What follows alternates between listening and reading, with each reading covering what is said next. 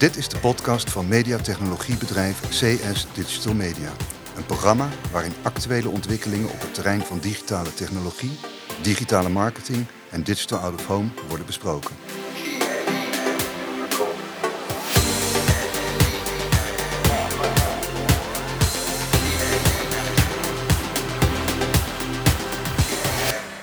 Welkom allemaal bij de derde Showroom podcast van CSDM. In deze podcastserie zetten wij 10 minuten lang één product van CSDM centraal. En dat gaan we ook vandaag doen. We zetten vandaag wederom het onderwerp autocommerce centraal. Uh, waar we, een onderwerp waar we voorlopig zeker nog niet over zijn uitgepraat. Uh, ik heb vandaag bij mij uh, aan tafel uh, Willem, Jorik en Aniek. Die allemaal deel uitmaken van het salesteam van CSDM. In de vorige twee podcasts hebben wij een korte introductie gegeven over wat autocommerce nou eigenlijk is. Waarna we een uh, paar praktijkvoorbeelden hebben behandeld. Die een mooie uitleg gaven uh, op welke manier wij nou online afrekenmodellen zoals CPC en CPA toepassen in het out-of-home landschap. hieruit kwam voornamelijk naar voren dat de QR-code erg belangrijk is. Um, en de vraag die ik vandaag bij jullie wil voorleggen is op welke manier gaan wij er nou voor zorgen dat die QR-code dan ook echt gescand gaat worden.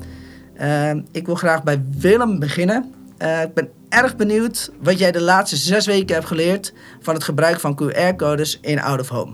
Um, nou, je, je, begint natuurlijk ergens met een QR-code toch wel een beetje met een achterstand.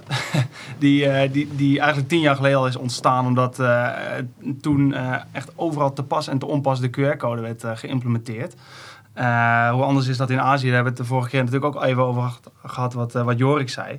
Dus uh, nou goed, we zijn eigenlijk gewoon gaan beginnen met, met een proof of concept. Hè? In de eerste podcast ook al even benoemd. Ja. Je, je, moet gewoon een startpunt hebben. En vanaf dat moment ga je eigenlijk constant AB-testen doen van wat werkt nou wel en wat werkt nou niet. En alle ideeën die je hebt, die wil je niet in één keer gaan implementeren, want Um, stel dat hè, de conversie verhoogd wordt, dan weet je nog steeds niet precies waar het vandaan komt. Uh, dus je, je, door blijven testen als Ja, je, je, je, blijft doortesten, maar je moet, je moet elke keer één dingetje doen. Ja. Uh, eruit pakken. Uh, nou goed, zo, zo, zijn we onder andere bezig geweest natuurlijk met hè, enerzijds orderboards met meerdere adverteerders.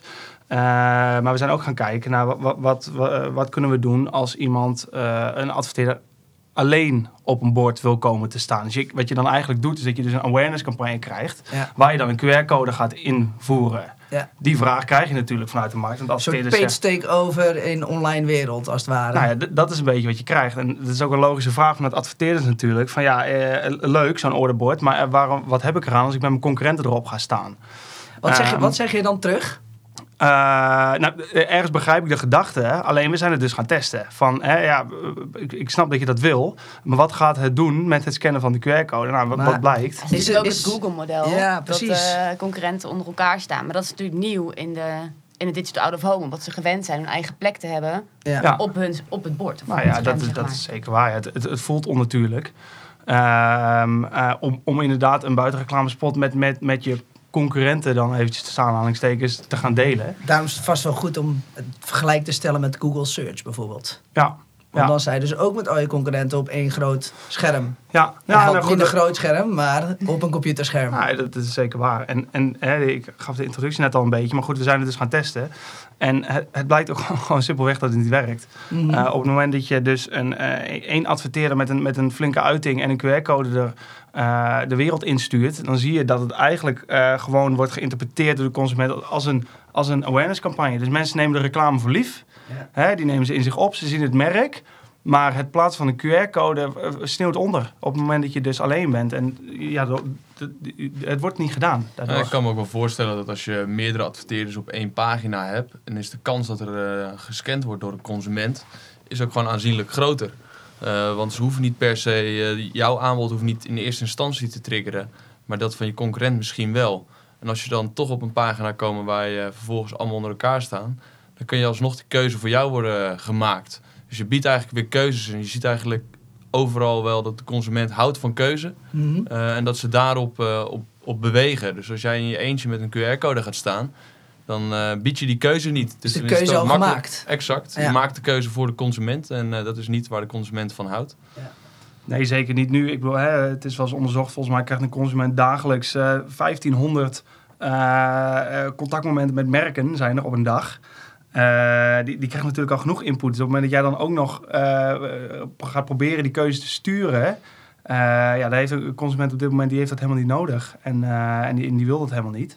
Dus nou ja, goed, en, en dat blijkt ook wel dat, dat het gewoon niet werkt. En daarom is het ook heel belangrijk dat je in de buitenwereld awareness met performance blijft combineren en het niet gaat zien als een vervanger van online. Je moet top of mind worden, zodra je ook nog wordt gezien op het, uh, op het orderbord. Je, moet de awareness en, en de impactmogelijkheden van digital out of home moet je blijven benutten om uiteindelijk te gaan zorgen dat je, dat, dat je performance gaat, gaat groeien. En als je alleen maar gaat mikken op performance, uh, ja, dan zul je zien dat je andere resultaten krijgt dan dat je misschien van online gewend bent. En dat zie je eigenlijk overal in de marketing wel. Hè? Er zijn, uh, als je constant alleen maar performance campagnes draait, maar je vult niet uh, je pool aan door ook branding campagnes te doen, dan krijg je op een gegeven moment een funnel, dan zit je onder in de funnel en daar ben je aan het vissen, maar op een gegeven moment is die pool leeg. Dus je moet wel weer van bovenaf aanvullen om het maximale uit je campagnes te halen. Dus je dus moet ook... Uh, eigenlijk een van de learnings van de laatste zes weken... is dat je performance moet blijven combineren met een awareness campagne.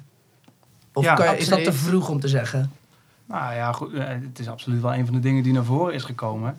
Ehm, als, ja, nee, dat is wel gewoon waar. Als je, als je alleen op zo'n bord gaat staan, mm je, je, je, verliest ja, het engagement. ook wel een beetje vanaf wel hoe je het bord inricht. Kijk, wel, waar de campagne waar we het over hebben is ook gewoon... dat was echt meer een awareness campagne waar één QR-code op stond. Maar dat was eigenlijk helemaal niet heel duidelijk van... oké, wat... Het ging over het downloaden van een app. Ja. Maar wanneer je bijvoorbeeld een orderbord zou hebben... ook vanuit één adverteerder... en je hebt meerdere producten of diensten van dezelfde adverteerder staan... dan geef je de uh, ja, de consument eigenlijk ook nog steeds een keuze.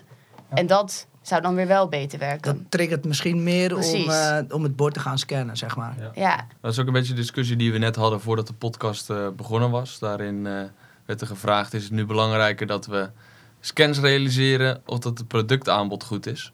Maar dat is eigenlijk natuurlijk een kip-ei verhaal. Want wij willen de scans realiseren, maar uiteindelijk worden we afgerekend op de klik naar vanuit het, mobiele platform naar de adverteerder toe. Ja, en als het productaanbod niet goed is, dan worden die kliks ook niet gerealiseerd. Dat is zeker een kip-ei-verhaal, inderdaad. Je moet gewoon heel goed beseffen dat QR-codes op dit moment uh, alleen gescand worden als er ook een doel is. En als het doel ontbreekt voor een persoon, zal de QR-code niet gescand worden. Um, dus mijn mening is dat inderdaad op het ordebord het doel heel duidelijk moet zijn. En dat door middel van oké, het product uitlichten, goede call to action, dat is namelijk ook heel belangrijk. Men moet weten waarom ze het gaan scannen. Wat, wat is het voor hem? Ja, maar ook een van de learnings die we hebben getrokken de laatste zes weken is natuurlijk dat we eerst de QR-code helemaal onderin het scherm hadden. En als je dan daadwerkelijk op een metrostation staat, is hij toch wel wat laag om dat ding ook te gaan scannen. Of dat hij echt in je gezichtsveld is. Ja. Ehm, dus we zijn nu ook volgens mij aan het testen om hem hoger in je gezichtsveld te krijgen. Ja, dat is al een mooi, mooi bruggetje naar. Layout is heel bepalend mhm. voor of het werkt of niet. En uh, er is niet één layout die werkt. Dat is gewoon afhankelijk van je, van je product of van je dienst wat je erop gaat aanbieden. En uh, nou, we zijn nu met, ik geloof, negen, negen verschillende layouts uh, ze zijn nu in eerste instantie naar voren gekomen waar je bepaalde, hè, bepaalde principes moeten er altijd in naar voren komen. Hè. Eh, het product, eh, de prijs, nou, de QR-code, moet een vorm van een timer moet erin zitten. Maar goed, wat ga je waar neerzetten? Ja, dat zal in de praktijk blijken. Wat werkt bij welk, welk type product. En dat, nou, dat is dan een van, de, een van de dingen die we dus nu heel erg aan het testen zijn met, met wekelijks wat anders proberen. Gelukkig hebben we al heel veel grote merken die allemaal een mobiele app hebben. Bijvoorbeeld, ik noem een Zalando of iets dergelijks, die ook die layout natuurlijk al een beetje gemaakt hebben. Ja. Echter is dit toch wel weer een iets andere piece of cake, omdat je met een QR-code moet werken. Het is een nieuwe beweging die, die je moet zien te realiseren bij een, bij een consument. Ja. En, en dat is een stukje ja, gedragsverandering. En, en dat gaat niet van de een op andere dag. Nee. Nou, Instagram shopping is natuurlijk ook niet meteen begonnen met. Uh, Instagram is gewoon begonnen als leuke plaatjes delen. Ja. Instagram shopping is denk ik de laatste vijf jaar. Nou, dus die hebben het ook gerealiseerd in uh, vijf of vier jaar. Ja. Ja, en dat wordt ook wel gezien als een heel effectief marketingkanaal. Um, en dat komt omdat iemand komt uh, op Instagram voor zijn plezier en ziet dan in precies dezelfde omgeving ziet hij uh, vervolgens een advertentie staan. Hm. Wat, waardoor de attentiewaarde heel hoog is. Ja. Een voordeel van wat wij zo meteen gaan creëren, dat zei ik in de vorige podcast ook al even, is dat we moeten realiseren dat we een aanbod gaan neerleggen wat zo ah, voordelig is voor de consument dat iedere keer als hij de metro inloopt altijd even een blik op het bord werpt om te kijken, Ja. zit er nog iets interessants aan te komen? Ja. Het helpt ook weer onze normale brandingcampagnes, omdat daardoor de awareness ook hoger wordt. Eh, dus ik denk dat we nu een beetje zo aan het kijken zijn. Je hebt zometeen komt Black Friday eraan. En ehm, daarvoor gaan we ook weer een eh, speciaal ordebord inrichten.